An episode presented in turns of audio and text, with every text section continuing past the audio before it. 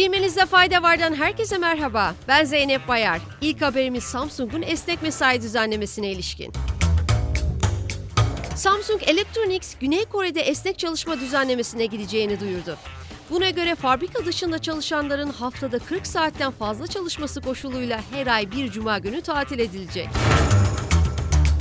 Samsung ve diğer şirketlerden gelen düzenlemeler özellikle iş yaşam dengesine değer veren genç yetenekleri elde tutmayı amaçlıyor.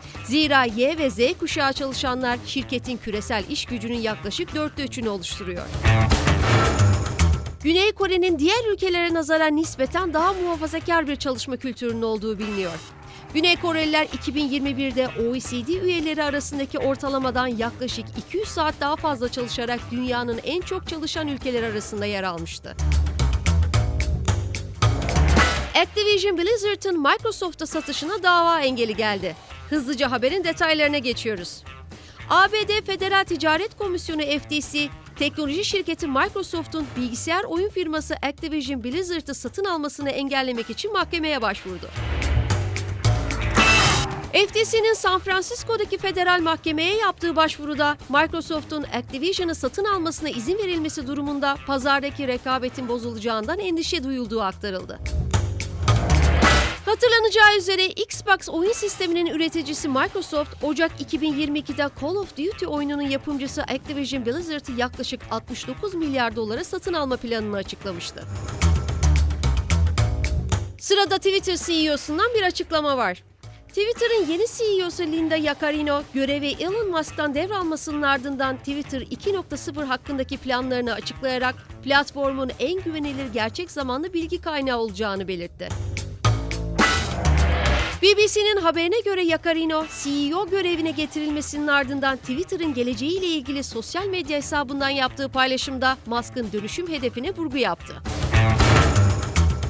Şirketin en güvenilir gerçek zamanlı bilgi kaynağı olacağını ifade eden Yakarino, toplumları daha ileriye götürmek amacıyla sansürsüz bilgi alışverişi ve açık diyalog yoluyla dönüşüme ihtiyacımız var dedi. Fransa'da Senato, kamusal alanda yapay zeka teknolojisiyle yüz tanıma üzerinden kişinin kimlik bilgilerine ulaşma olanağı sağlayan tasarıyı onayladı. İnsan hakları savunucuları tarafından bireysel özgürlükleri ihlal ettiği gerekçesiyle eleştirilen tasarı, yapay zeka teknolojisinden yararlanarak kişileri simalarından tanıma ve kimlik bilgilerini elde etme imkanı sağlıyor. 2024 Paris Olimpiyat Oyunları öncesi uygulamaya konulmak istenen teknolojiyle şüpheliler kameralar aracılığıyla uzaktan kimlik taramasından geçirilebilecek. Yasalaşması halinde söz konusu teknolojinin özellikle cinsiyet ve etnik kökene dayalı ayrımcılık için kullanılmasından endişe ediliyor. Son haberimiz COVID-19 hakkında yapılan önemli bir araştırma hakkında. Yeni bir araştırmaya göre COVID-19 geçiren 20 milyondan fazla Amerikalı koku ve tat duyusunu kaybetti ve en az %25'inin bu duyuları geri gelmedi.